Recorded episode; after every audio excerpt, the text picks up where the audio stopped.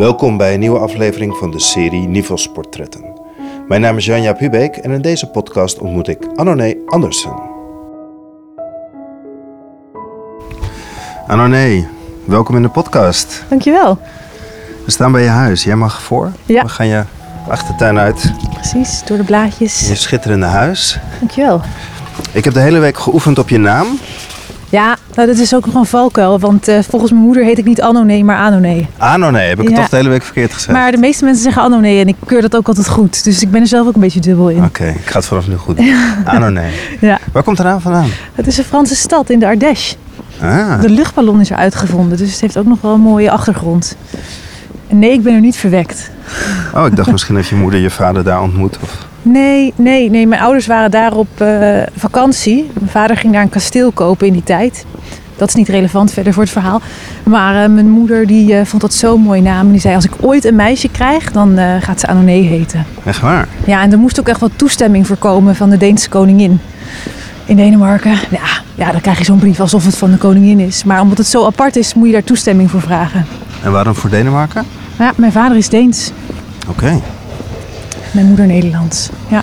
En, en misschien helemaal niet relevant voor de hele podcast, maar is het kasteel er? Ja, volgens mij heeft hij dat toen wel gekocht en weer verkocht. Mijn vader was in die tijd eh, architect en nogal veel bezig met huizen opknappen en weer doorverkopen. En, eh, Oké. En wat heb jij er allemaal van meegenomen? uit Denemarken of nou, bedoel je? van, van die historie van je, van je ouders. Nou, het leuke is natuurlijk sowieso dat ik tweetalig ben eh, opgegroeid. En ook wel stiekem een soort derde taal erbij eh, leerde. Want mijn ouders spraken samen ook vaak Engels. Dat is wel leuk, want toen ging ik naar de, de kinderopvang, of het heet eh, de kindergarten was het in Denemarken. Toen was daar een Amerikaans meisje. En een van die pedagogen zei tegen mijn moeder, wat leuk dat je dochter ook Engels kan. En toen zei mijn moeder, dat, dat, eh, daar vergis je in het Nederlands wat ze spreekt. Maar toen nam ze dat meisje mee naar huis, waarmee ik speelde, Elisabeth. En toen bleek dat ik ook een beetje Engels had opgepikt. Dus dat sowieso. Maar het is natuurlijk heel rijk ook om eh, in eh, twee verschillende landen te hebben gewoond. ja, en, en ben je daardoor ook, sta je ook heel open en, en kan je je makkelijk aanpassen? Want ik heb vanmorgen heb ik jou nog eventjes Ja. op de diverse media gezocht wat je doet. En je doet Oh ja. ontzettend veel op verschillende plekken. Oh ja. Is dat iets wat je daarvan misschien hebt meegenomen? Of ga ik nu te psychologisch Ja, de diepte in? Ja, je neemt mijn rol in. Ehm, ja, ik, ik zou zeggen, ik ben wel in beide landen goed geworteld. Dus ik weet niet of ik zo vrij eh, ben. Maar ik voel me wel enigszins flexibel. Ja, ja, ik vind het ook leuk om een beetje van, van alles en nog wat te doen. Het hoort, ook, het hoort ook erbij hoor, als je bij het Nivels werkt, om ook eh, een voet in de praktijk te hebben. Dus daarom eh, werk ik ook op een school. hey, we lopen in het bos bij Driebergen. Ja. En jij ging net vertellen, we werden wat gestoord door wat auto's om ons heen. Maar jij ging vertellen, je werkt bij Nivels en je werkt op een school hier in Driebergen, op een vrije school. Ja, in Zeist inderdaad. Op de Tobiasstroom. We hebben Een heel klein schooltje. Noem het vaak wel zelfs een minuscule school. Het heeft een afdeling Tobias School. En dat is eh, voor speciaal basisonderwijs. Met maar vier klasjes van 15 leerlingen. En ons deel van de school is de Tobias Stroom. Die hebben vijf klassen, ook met maar 15 leerlingen per klas. En dat is VMBO, een vrije school. En eh, het niveau is basiskader. Ja, het is een heel bijzonder schooltje. Alle kinderen hebben dan, eh, ja, dat ken jij wel, het begrip eh, leerwegondersteuning. Dat betekent dat ze achterstanden hebben met het leren. En soms ook eh, gewoon een kleinere setting nodig hebben omdat ze wat kwetsbaarder zijn.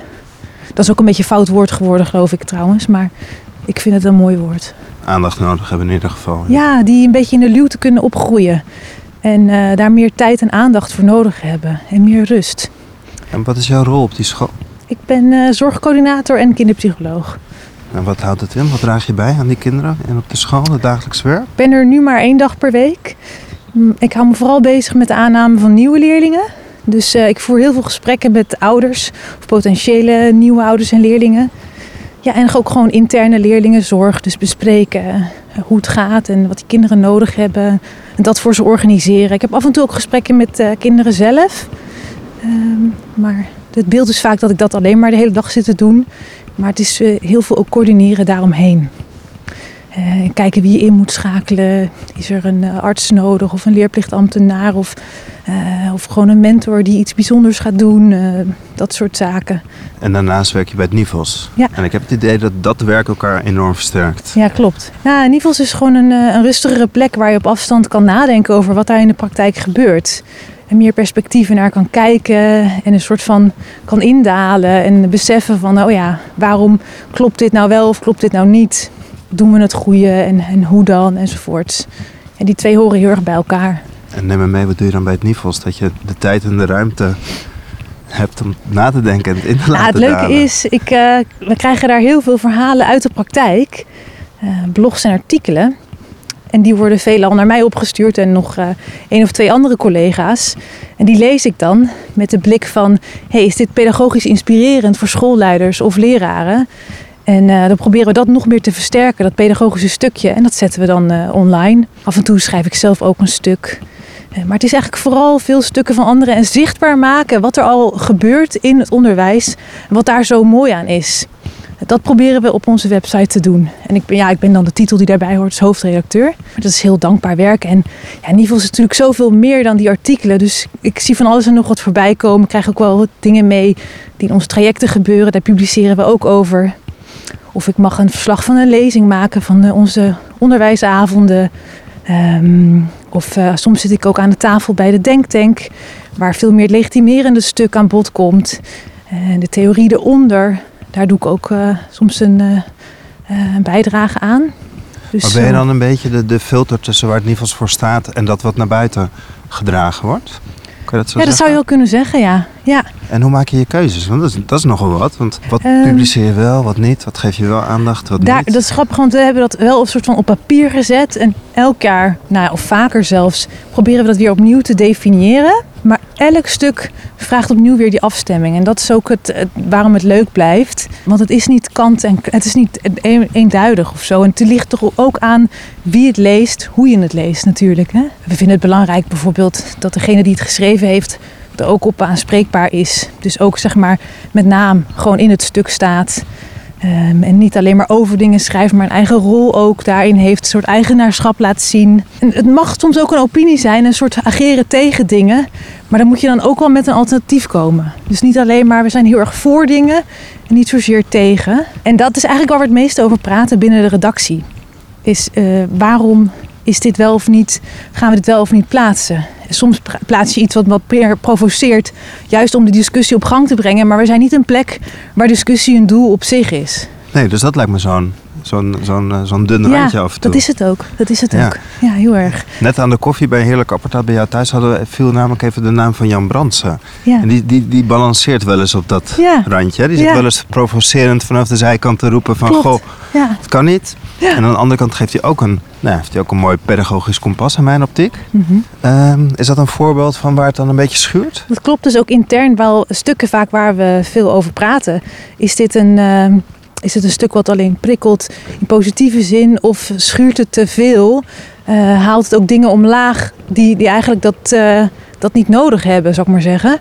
Ik ben zelf namelijk wel vaak geneigd om het te plaatsen, omdat ik een soort glimlach in zijn zinnen lees. En zie hoe hij dat bedoelt om ons uit te dagen in het denken. En er is ook wel eens tegen me gezegd van ja, maar dat, dat, die glimlach zie jij omdat jij hem kent. Een eh, nieuwe lezer moet dat ook wel erin kunnen lezen. Dus dat is altijd inderdaad, ja, balanceren. Ja. ja, ik had van de week een gesprek met eh, Luc Stevens, een andere podcast, en die gebruikt vaak het woord heelheid.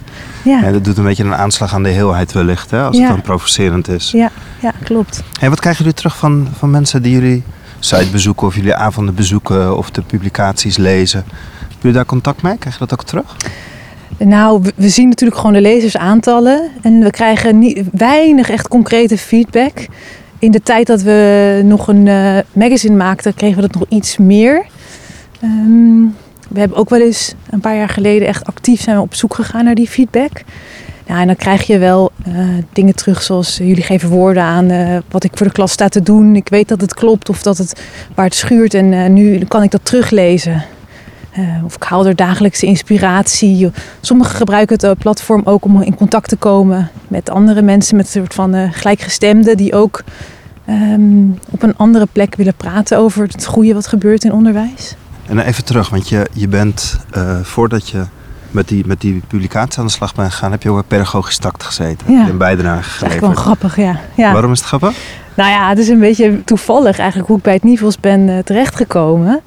Uh, luxe vrouw Marijke, die is vrijwilliger, of die tot afgelopen week was vrijwilliger op een ZMLK-school in Zeist. En mijn moeder heeft daar heel lang gewerkt. Volgens mij was 2011, waren zij op zoek, was Luc op zoek naar een onderzoeker die ook onderzoek kon doen naar het begrip pedagogisch tact. En ik was toen net twee jaar afgestudeerd. Ik werkte op de universiteit op de afdeling ontwikkelingspsychologie. Was de onderzoekscoördinator. En het zat net tussen banen in. Ik werkte wel ook op de Tobias school. En toen werd ik gepolst of dat iets voor me was. En ik heb toen een klein gesprekje met Luc gehad. En die begon gelijk inhoudelijk over uh, pedagogisch tact. En uh, nou ja, zoals Luc daar heel mooi over kan vertellen. Maar ik kende dat hele begrip niet. Ik dacht, waar heeft die man het over? En, um... Is dit uitzendbaar trouwens? Of moet, uh... ja, ja, nou ja, ik okay. denk het wel. Okay. Ik, ik, maar het was ook niet zo gek hoor. Want dat is ook heel typerend voor het verschil tussen psychologie en pedagogiek. Dat het toch hele gescheiden werelden zijn. Ik bedoel, ik liep nota bene op die afdeling rond ook al. En ik had het, die term nog nooit gehoord. Pedagogiek was sowieso heel onduidelijk voor me. En ik dacht, ik weet echt niet waar dit over gaat. Maar goed, ik kan dat literatuuronderzoek, ja, dat kan ik wel. Dus ik, uh, ik heb toen echt best wel nog zitten twijfelen, of ga ik dit doen? En ik toch gedaan. En toen een jaar uh, meegewerkt aan het schrijven van uh, een aantal hoofdstukken uit het boek Pedagogisch Tact. En wel ja, gegrepen geraakt door de materie. En wat raakte je dan? Ja, nou ook de onconventionele manier van werken binnen Nivels. Ik zei, ik, kwam, ik werkte toen ook nog een heel klein beetje op de universiteit. En dan kwam ik, zei, ah, ik werk nu op zo'n rare plek, weet je. Je mag komen en gaan wanneer je wilt. Ze vertrouwen je 100%. Ik mag vaak thuis werken. Zijn die mensen goed wijs? En, uh, en ja, dat ook heel erg het kwalitatieve uh, onderzoek, dat het daarom ging. Dat was mij ook totaal vreemd. Ja? Ik kwam uit de puur kwantitatieve onderzoeksrichtingen. Dus alles was evidence-based. En uh, ja, ik, ik, ik, vond dat heel vreemd om met anekdotes te werken en mensen dan te interviewen. Uh, ik moest echt met een compleet nieuwe blik onderzoek doen. En toen werkte je ook al op de Tobias. Ja. En die kruisbestuiving. Ja. Wat, wat heeft Nivels jou gebracht in je werk? Nou, Nivels was zeker in die tijd ook heel erg, uh, ging ook heel veel over uh, de leraar-leerling interactie dat hoort, staat ook heel dicht bij mij. Dat kleine pedagogische tussen die leraar en die leerling. En dat die echt uh, het verschil kan maken. En wat zou ik maar zeggen? Ja, dat inclusieve denken ook wat daarvan uitgaat. Passende onderwijs. En hoe moet ik dat uitleggen? Ik vind het heel belangrijk dat ieder kind het gevoel heeft dat hij, uh, dat hij er mag zijn. Nou, dat, dat je ook als leraar dat, dat weet aan te raken. Uh, dat die afstemming klopt. Ja, hoe moet ik dat uitleggen? Ja, pedagogisch tact staat gewoon heel dicht bij me. Ook, ook op school. Als ik veel op scholen kom of, of leerkrachten spreek, dan is het woord ruimte vaak wat ze missen. Ze mm. moeten van alles, ze missen weinig ruimte. En in alles wat jij vertelt mm. en, en hoe we elkaar net ontmoet hebben, voel ik enorme ruimte. Oh ja? En nieuwsgierigheid voor, voor wat je doet. Hè? Hoe je over het niveau praat en dat je dingen mocht onderzoeken en daar de ruimte voor mocht nemen. Ja. Niet vast aan tijden, niet vast aan plek. Ja. Wat kunnen we van jou leren in het onderwijs om echt die ruimte te behouden, om ook te beschouwen en te laten indalen, wat je net zo mooi zei, hè? om het goede vervolgens weer met het kind te doen? Ja, nou dat innerlijk weten, dat hebben we allemaal wel. Alleen we durven er soms niet naar uh, te luisteren. Ik had net nog een vriendin op bezoek vanochtend en zij is zij instromer in het onderwijs. En zij is bezig met haar meesterstuk. Dus eigenlijk haar uh, ja, afstudeerscriptie, zou ik maar zeggen. En um, ze zei, ja, ik weet heel goed dat ik weet dat het klopt wat ik doe in de klas, maar ik heb er geen woorden voor. En toen gaf ik haar wat boeken mee, onder andere het boek Pedagogisch Tact. En we gingen daar een beetje in bladeren samen. En ze zegt, ja, dit is precies wat ik bedoel. Dit is precies wat ik nodig heb. En ik wist wel dat jullie bij het Nivels hadden, maar ja, uh, ik had wel even dit nodig. Ja, we zijn, weet je, we zijn ook zo gehaast dat we niet even stil durven staan. Dat, dat moet je ook lef voor hebben, zou ik maar zeggen. Wat bedoel je? Ja, bijvoorbeeld in een. Uh, ik heb geleerd ook van uh, de GZ-psycholoog met wie ik heel lang heb gewerkt. Dat als je met een kind spreekt, of überhaupt met iemand, mag het ook al even stil zijn. Um, we willen dat allemaal meteen opvullen met um, een vraag of een op, ja, met, vaak met woorden, maar ook non-verbaal invullen. En dat hoeft niet. Ja, je ziet juist zoveel in die stilte ook. Zijn we in het onderwijs iets te ver doorgeslagen om alles in te vullen en te bepalen wat er nu nodig is en alle ruimte te nemen? Ja, zeker. Zeker. Bij ons op school is het zelf zo georganiseerd dat kinderen standaard een, uh, een jaar langer doen over het VMBO. Dat is, dat is gewoon nodig Dat is voor iedereen denk ik fijn, maar ook voor deze doelgroep, als ik het zo mag noemen. Om wat meer tijd te nemen om te ontdekken wie je bent. Het curriculum is ook bewust heel breed. Om nog niet, je, om, om niet te hoeven kiezen. Zodat, ja, je weet toch helemaal niet wat je wil, denk ik. Als je 13, 14, 15 bent. eh, om al een richting te kiezen. En daar, daar mag je wel even de tijd voor nemen. Je hebt nog een heel leven om een kant op te gaan.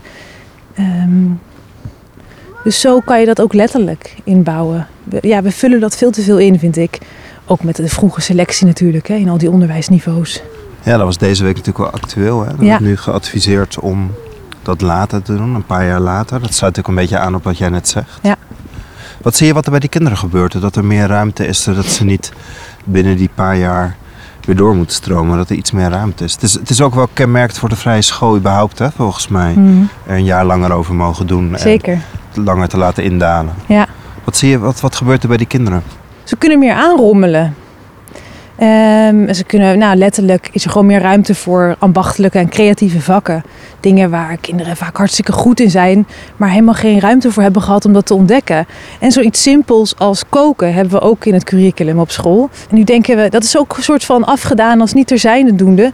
Maar ik als eh, vers van het VMBO of VWO komende en van de studie, ja, ik wist wel hoe ik moest koken, maar het plezier wat daarbij gepaard ging en een mooi recept ontdekken, dat was me totaal vreemd. En dat zie ik ook bij deze kinderen. Ja, die gaan gewoon in van no time, zijn 13 jaar, die staan gewoon drie gangen diners voor hun ouders te koken. Omdat daar gewoon eh, ruimte voor is gemaakt in het curriculum. Ze voelen ook dat ze, dat ze in die tijd, ja, hoe moet ik dat zeggen? Nou, is het een beetje wat Biestra misschien bedoelt met persoonsvorming? Echt gewoon de ruimte geven aan jou. En we gaan in gezamenlijkheid aandacht geven aan wat belangrijk is, namelijk ook eten. Ja, Dan gaan we samen koken. ja, ja. En dat geven we aan dierbaren, aan onze ouders. Ja, ik vind het ook heel mooi wat ze in de vrije school vaak zeggen van even eh, je innerlijke mens voeden. Eh, aandacht geven. Het is gewoon eten, met een mooi woord. Maar zo is het wel. Als je aan het eten bent, wees dan ook echt aan het eten. Ja. En niet honderdduizend andere dingen. Even kijken waar we nu zijn hoor. Zeker. ja. Hey, je zei net zo mooi van, van die ruimte geven aan die kinderen om er, om er langer over te doen. Hmm.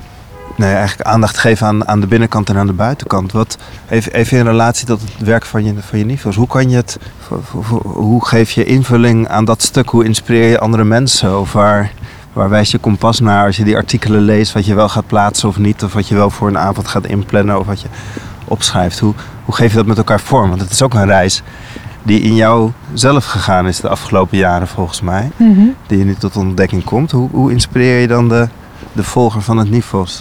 Nou, het is eigenlijk gewoon de spotlight zetten op vaak juist die hele kleine dingen die het verschil kunnen maken. Ook wel grotere dingen hoor. Ehm, een knipoog of, ehm, ja, dat is toch, kom ik bij de definitie van pedagogisch tact, het goede doen op het juiste moment ook in de ogen van de leerling. Even laten zien wat dat dan is. Eh, het hoeft niet allemaal overweldigend te zijn. En ehm, eh, het zijn juist die kleine handelingen daar de voorbeelden van geven. Van je bent het eigenlijk al aan het doen. En zodra je er bewust van wordt, kan je natuurlijk ook meer aandacht daaraan besteden. Heb je een mooi voorbeeld van de afgelopen tijd waarin je deze afweging voor jezelf gemaakt hebt en besloten hebt van ja, deze knipoog gooi ik de wereld in? Nou ja, weet je, het zit hem ook. Het is niet alleen maar het inspireren van de lezer. Voor mij zit een deel van de motivatie voor het werk ook in het inspireren van de auteur zelf. Hè. We zijn dus ook met, in interactie met die auteur, wat vaak de leraar is, ben je ook aan het inspireren. Dus ik probeer die persoon aan de andere kant ook op een bepaalde manier te bemoedigen. En natuurlijk heb ik soms, doe ik in de redactie wat in dat verhaal. En ik vind ook van alles over de inhoud. Maar ik geef het op een bepaalde manier terug. Op de manier waarop ik ook hoop dat deze leraar ook met zijn leerlingen in contact staat. Dus ik zeg dan, eh, nou ja, nou ja dat, dat, dat, dan kom je weer terug op hoe ik communiceer met hen. Ja, gebeurde. Nou ja, ik, ik merkte dat een leraar een verhaal opstuurde. Die, eh, wat hij volgens mij had geschreven met in het achterhoofd. Het moet heel erg Nivelsiaans zijn. Dus er moet zeg maar, ja, er moet een theorie in zitten. eh, een stukje anekdote uit de praktijk. Uh, en er moet een overkoepelende conclusie uitkomen. Er moeten bepaalde morele waarden in verwerkt zijn. En ik zag gewoon dat hij dat met heel veel aandacht had gedaan. Dat stuk heette ook aandacht in de oorspronkelijke vorm. En ook met citaten. En uiteindelijk ook nog zelfs een link naar de actualiteit. En hij schreef ook naar me van... Ja, ik heb dit, hier zit gewoon meer van mezelf in het stuk. Wil je hier naar kijken? En ik voelde dat dat ook een bepaalde aandacht nodig had. Dus samen met een collega besproken. Uh, een klein beetje getweakt. Maar vooral teruggegeven dat, uh, dat ik het heel erg mooi vond hoe die had gewerkt. En dat ik dat eruit uh, kon teruglezen. En benoemd wat ik er allemaal, welke lagen ik daar allemaal in zag. En dan werk je op de vrije school. Ben je ook zelf op de vrije school gevormd? Nee. Nee? Nee. Je gaat lachen, waarom? Nou, ik herken wel heel veel dingen die daar uh, gebeuren. Um, ik heb dus in Denemarken op school gezeten de eerste paar jaren van de basisschool. En daar wordt ook heel, uh, of op mijn school en ik denk op veel plekken daar, ook heel projectmatig gewerkt. Dus dan hadden we bijvoorbeeld een project over schapenwol. En dan gingen we dus letterlijk de wei in en schapen natekeningen met zo, natekenen met zo'n klein blokje. En we gingen ook wol spinnen. We gingen van die oude uh, doosjes met uh, oude sigarendoosjes versieren met wol. En ik kan nog steeds voelen hoe dat in mijn handen voelde en hoe dat ruikt. En dat vettige wat wol eigenlijk heeft, maar wat we niet weten als we een trui aantrekken. Dat het eigenlijk daarom ook zo anti uh, geen vuil aantrekt. En het eigenlijk niet hoeft te wassen. En uh, daar waren we dan een paar weken lang mee bezig. Zodat je dat, dat, ja, dat gaat echt in je lijf zitten. En dat is dezelfde manier waarop de vrije school ook werkt. Is het gewoon van een één thema, van een bepaald allerlei kanten en allerlei zintuigen aanvliegen en prikkelen. Waardoor je het echt het weten in je lichaam komt. Toen ik eenmaal op de vrije school kwam te werken, vond ik dat heel herkenbaar. Ik kwam er eigenlijk met een omweg, wat mijn zusje op deze school gezeten heeft. Ja. Oh, zelf als kind? Ja. Oh. ja. En toen zij zat er nog op toen ik er kwam. Uh, ik ging er stage lopen. Ja. En toen ben je er gebleven? Toen ben ik er gebleven. En waarom ja. blijf je? Want je, je hebt een enorme biografie ja. ondertussen. Er zijn heel veel scholen, ook in deze regio, mm -hmm. die volop in ontwikkeling zijn. Waarom? Nou, het is echt een fantastische school. Uh, het is er super warm. En um, ja, we kunnen hier echt verschil maken voor kinderen. Ik zou zoveel meer kinderen zo'n school wensen. Door de kleinschaligheid kan je zoveel meer betekenen voor die leerlingen. Het is zo overzichtelijk. Ik zeg ook vaak in intakegesprekken met ouders... Uh, de meeste problemen vallen al weg omdat we elkaar hier kunnen zien, letterlijk. Hè? Je hebt een vast lokaal, een vaste plek. Je jas hangt gewoon op de gang, je hebt geen kluisje nodig. Um, kinderen mogen andere dingen doen dan alleen maar uh, cognitieve vakken. En komen achter dat ze allerlei talenten voor andere dingen hebben. En dat het ook gewoon lekker is om bezig te zijn om dat stuk hout een uur lang te schuren. Dat is heerlijk. En lekker in die flow te komen. Daar is school ook voor bedoeld. Ja, ja dat klinkt allemaal heel gezapig. Maar het is ja, bijna ja, naar familie moet ik niet zeggen. Maar het is gewoon heel warm. En de kinderen krijgen daar precies wat de meeste leerlingen volgens mij nodig hebben meer tijd, breed aanbod, uh, warmte, vertrouwen. Ja, uh, niet, uh, niet dat autoritaire gedoe, maar gewoon. in ja, verbinding met elkaar. In verbinding met elkaar, ja. Scheurt het ook wel eens? Dat je denkt van, nou ja, hier is ja. het voor mij dogmatisch of hier botst het wat tegen mij. Oh, binnen de school? Nee hoor. Nee, tenminste, nee, dat gevoel heb ik niet. Ik zeg ook, we zijn niet de vrije school. Um, ja, light klinkt dan weer ook een beetje vreemd. Maar de mensen die op de Tobias werken, die werken er omdat ze dit type leerlingen heel leuk vinden. En nu wil ik die leerlingen niet allemaal types noemen, maar uh, die het leuk vinden om ja, dat het iets langer duurt voordat je erachter komt wat de ingang is voor dat kind om te leren. Of om hoe je die glimlach tevoorschijn kijkt, kijkt uh, trekt. En dat vertrekt natuurlijk heel erg vanuit die pedagogiek in plaats van uit de vakken. Enorm. Vanuit de kennis. Dus mensen komen wel, ook omdat we een vrije school zijn, maar niet dat op zich alleen. Je werkt hier omdat je die kinderen heel leuk vindt. Dus dat bindt ons allemaal. En uh, de, ik zou zeggen dat de helft van het lerarenteam of meer niet uh, uit de vrije school komt. Ik kan wel iets meer vertellen over de achtergrond van uh, mijn drijfveren misschien, zou Ja. ik te denken. En dat ligt heel dicht bij mijn biografie, zoals dat bij de meeste mensen is. Ik kom uit een gezin, ik ben een van vier kinderen. En ik heb twee, eh, ik heb een broer en een zus, zusje, die een lichte vorm van autisme hebben. En dat heeft wel heel erg mijn interesse getriggerd voor, eh, voor mensen, zou ik maar zeggen. Ik was wel altijd al vooral bezig met praten over mensen. Nu klinkt dat een soort logisch, maar dat was echt een hele grote rode draad. En toen ik ging studeren, dacht ik ook van ja, het moet, het moet iets met mensen zijn en, en hoe ze in elkaar zitten en waarom. Dus dat werd psychologie. Het was ook de enige studie die me leuk leek. En ik dacht ook, als dit het niet is, dan ga ik niks anders studeren. Dat, dat wordt hem gewoon niet. Ik moet dit studeren. En ik had gewoon heel veel interesse in, ehm, ja, wat dan zo chic heet, ontwikkelingspsychopathologie. Het maakt het gelijk weer zo ziekelijk meteen. Maar gewoon heel veel in uh, ja, uh, oorzaken van uh, stoornissen. En ja, hoe kinderen, wat voor problemen kinderen kunnen ondervinden in hun ontwikkeling. En hoe je daar aan kan bijdragen, hoe je ze hen kan helpen. Dat, en dat is nog steeds een grote drijfveer voor mij. En daarom werk ik denk ik ook op de Tobias-stroom. Omdat het kinderen zijn die toch iets meer ja, gesteund moeten worden. Voordat ze de wereld in kunnen. En soms iets meer tijd daarvoor nodig hebben. Maar ook um, ja, iets meer rust en aandacht. Dat is denk ik ook waarom ik bij Nivels het werk zo belangrijk vind. Ik zie echt hoe onderwijs het verschil kan maken. En heb dat zelf ook ervaren ten goede en ten kwade, zeg maar. Ja, ik, ik vooral ten goede hoor, zelf persoonlijk. Maar in mijn familie ook, ook, ook het andere pad ken ik ook heel goed. Wat er kan gebeuren als het, als het niet lukt. Wat heb je ervaren allemaal dan? Nou, mijn broer die, uh, ging tegelijk met mij naar het VO. Ik, we schelen anderhalf jaar. Ik mocht een klas uh, sneller vooruit. En hij ging, kwam in een MAVO-HAVO-klas. En ik ging, kwam in een HAVO-VWO-klas. En uh, dat maakte al heel veel verschil. Ik denk, zeg maar, onze aanleg voor leren is denk ik hetzelfde. Maar bij hem zat het toch wel in het sociale, zat hem heel erg in de weg. Dat dat moeilijk voor hem was. Ja, weet je, hij kwam dan al meteen thuis in de brugklas met een volgekladde etui. En het is de netste jongen die je maar kan voorstellen. Hij is heel zuinig op zijn spullen. Ja, wat, wat doet dat met je als dat zoiets bazaals al, ja, je spullen worden aangetast en al weinig, al dan al over je grenzen wordt gegaan. En uiteindelijk viel hij uit in het derde jaar van, uh, van de middelbare school.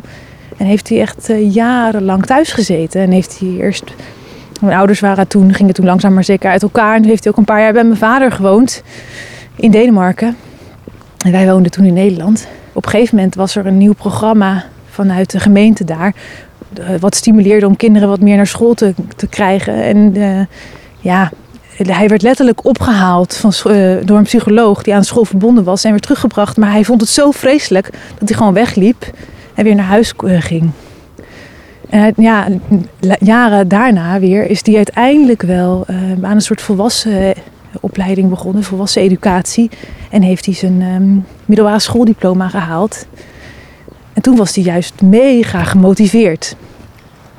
Uh, en, en, toen is hij ook later weer in Nederland komen wonen en heeft hij gestudeerd, heeft hij kunstgeschiedenis gestudeerd. Dus ik ben heel trots op hem. En voor mij was het juist een heel ander verhaal. Ik zat in groep 6, in een combinatiegroep 6, 7, 8. En op een ouderavond zei de, mijn toenmalige juf vrij uh, intuïtief, impulsief tegen mijn moeder van ja, het gaat eigenlijk wel heel goed met Anne. En, um, maar ze trekt eigenlijk meer toe naar de meisjes uit groep 7. Nou, eigenlijk zo naar resultaten kijken. Oh, ze is van oktober. Weet je wat? Misschien moet ze naar groep 7. En ik mocht zo mee. En het ging voor mij allemaal voor de wind juist. Ik heb best een andere kant gekend. En ging het je ook echt makkelijk af? Of paste je ook een beetje makkelijk in het systeem waar je broer... Ja, het ging me ook makkelijk af. En ik paste er ook... Ik was ook wel zo'n uh, meisje wat gewoon doet wat haar uh, verteld wordt. En het leren ging me ook wel gemakkelijk af. En het sociale ook. In hindsight... Um, had het ook wel, ja, denk ik, toe, dat, ik, dat ik toen eigenlijk al veel beter op de vrije school paste. Het grappige was, mijn beste vriendin van de basisschool, die ging naar de vrije school. En ik ben niet wezen kijken, want ja, het klonk gewoon een beetje onduidelijk. En het was ver fietsen. Ja, van die hele basale... hele belangrijke hele reden. belangrijke reden. Ik dacht, ja, ik vond het gewoon vaag klinken. En ik ging gewoon naar de school waar bijna iedereen uit mijn klas naartoe ging. Hey, en hoe kijk je dan naar je broer, die dan bij je vader in Denemarken zat? En ja. hoe, hoe werkte dat in jou door, dat jij dacht van, ik wil hier iets mee? Ja, nou, nou ik vond het belangrijk, um, of tenminste, uh, die jongen is gewoon totaal ondergesneeuwd geraakt in zo'n mega grote school. En is ook niet, lang niet onderkend dat hij gewoon iets anders nodig had dan die plek. Hij kon gewoon niet meer, hij was gewoon helemaal op. Uh, ja. En hij heeft jarenlang echt zo'n aversie voor school gehad, terwijl hij superveel van leren houdt. Dus ik vind het heel belangrijk uh, dat er vroegtijdig zeg maar, gezien wordt wat, bij een kind past. En dat, dat, dat daarop afgestemd wordt. En dat je ook benoemt als het anders loopt. Hè? Ik ben niet per se voor of tegen etikettering. Ik vind dat het een lastige discussie. Maar wel dat het gezegd wordt als het niet goed gaat. Ja, dat je daar een richting op kiest, zeg maar. Maar ook voor mezelf, weet je, ik, bij mij ging het redelijk voor de wind. Maar het was ook niet een gegeven dat ik in mezelf geloofde toen ik jonger was. Eh, ik kan me herinneren dat mijn, eh, een leerkracht op de basisschool tegen mijn moeder ook in een oudergesprek had gezegd: Oh ja, die Anne, die gaat later lekker eh, pedagogiek studeren, joh, dat, dit en dat en dat. Had hij in een bijzin gezegd en mijn moeder zei dat in een bijzin tegen mij. En ik dacht: My god, die man denkt dat ik kan gaan studeren later. Holy crap. Was er echt heel erg van onder de indruk. Terwijl hij heeft natuurlijk honderd dingen gedaan in de klas om mij te bemoedigen. Maar die opmerking heeft de meeste indruk op me gemaakt. Dat hij dacht dat ik kon studeren. Dat vertrouwen had ik helemaal niet zelf. Of ik had gewoon geen idee, zeg maar. Als kind ben je volgens mij ook vaak een soort blanco over eh, wa- wat je pad is of wat je gaat doen. Of qua opleiding helemaal, hè. En nou ging ik net naar je toe en toen, eh, ik was een paar minuten te vroeg en toen kwam je heel relaxed aan de verte aanlopen. Ja. En had je je eigen kind weggebracht naar je moeder. Ja. Hoe kijk je nu naar je eigen kind? Je hebt een heel jong babytje, Aha. ze is acht maanden. Ja. Hoe kijk je daarnaar? Oh ja, ik hou heel veel van haar natuurlijk. Nee, ik ben, heel, ik ben dol op dat kind. Ze is mijn alles. Ze is echt, eh de cliché, the joy of my life. Eh, ik ben echt, ik ben nog nooit zo gelukkig gewe- geweest sinds ik moeder ben. Ja, als, als nu dat ik moeder ben bedoel ik, zeg maar. Ja, schuift het de pedagoog, de psycholoog Ja. in jou... Ja, Oh, waar? enorm. Ja, maar- Oh man, die, die opvang. Ik haat de opvang. Oh, dat is misschien niet zo netjes om te zeggen. Ja, iedere week kom ik weer met verhalen over die opvang. Ehm, ja, ik, ben, eh, ik, kijk, ja, ik kijk heel erg vanuit die pedagogen slash psychologen bril naar, wel, naar wat er gebeurt, joh. Zo. Enorm. Ja. Waar knelt het? Waar schuurt het? Het zit hem in hele, het zit hem in hele basale dingen van. ehm, eh, nou ja, ik vind het vooral belangrijk dat we ons inleveren ook in die hele kleine babytjes. Kijk, eh, de eerste keer dat ik Josephine daar achterliet, eh, had ze maar één sok aan toen ik haar aan de leidster gaf. En ik dacht, die sok is op de grond gevallen daar op die grond. En eh, die leidster trekte mij wel aan. Ik dacht er niet heel veel verder over na. En toen kwam ik haar ophalen vier uur later had ze nog steeds maar één sok aan. Ik zeg, oh, heb je die andere sok niet aangetrokken? Nee, je hebt haar zo achtergelaten. Ik denk dan, jeetje, dan kan je toch even een andere sok bij dat kind aantrekken. Ze krijgt het koud. Het zijn hele, dat is nog iets heel bazaals in de primaire zorg, zal ik maar zeggen. Maar het zit hem ook al in een kind eh, autonomie gunnen waar die dat al aan kan. Josephine kan al heel lang in een kinderstoel thuis zitten. Maar ze kan niet tien minuten rechtop zelfstandig zitten. Dan dondert ze om. Maar vijf minuutjes wel. Dus ik zei, kwam de opvang en ik zie dat ze nog in een soort lichtstoeltje ligt en een soort gevoed wordt. Ik zeg, ja jongens, ze kan echt al eh, rechtop zitten. Ja, nee, het protocol is dat echt als kinderen uit zichzelf rechtop kunnen zitten, dan mogen ze pas bij ons in die kinderstoel. Dan denk ik, ja, dat is toch ook niet autonomie ondersteunend of... Hè, als ze, als ze, dat, dan, dan stimuleer je toch niet wat er al is, snap je? Ja, ik snap het. En Daar word ik heel boos om. word je dan ook boos? Ah nee, ik ben, heel, tel ik je ben, eh, tot tien? Wat, wat, eh, ik ben, ik ben eh, best wel sociaal wenselijk. Dus brengt je man dan het kind maar naar de opvang? Koenie zegt elke keer tegen me van... als je dingen daar tegenkomt, moet je het in het moment teruggeven. Dat is mijn leerpunt. Daar ben ik nu mee bezig. Ik doe het wel iets meer dan Lukt eerst. dat? Ja, iets meer. Kijk, wat, wat ik ook lastig vind, ze, ze gaan daar... Nou ja, ik kan heel lang over praten, dus je moet me even een beetje eh, inperken hier. Eh, Maar over het slapen wil ik ook graag feedback. En dan kreeg ik heel lang geen feedback, behalve dat ze geslapen had. En nu is er een leidster, misschien niet toevallig een oud-leerling van de Tobias. eh, die, geeft, die geeft echt eerlijke feedback. En die zegt, ja, ze moest zo en zo lang huilen. Ik heb dit en dit gedaan. Dat wil ik graag horen Ja, hoe het echt met je kind hoe het was. echt gaat. Ik wil niet het sociaal wenselijke plaatje. Eh, we hebben een app waarin ze alles bijhouden over wanneer ze gevoed is en hoe lang ze geslapen heeft.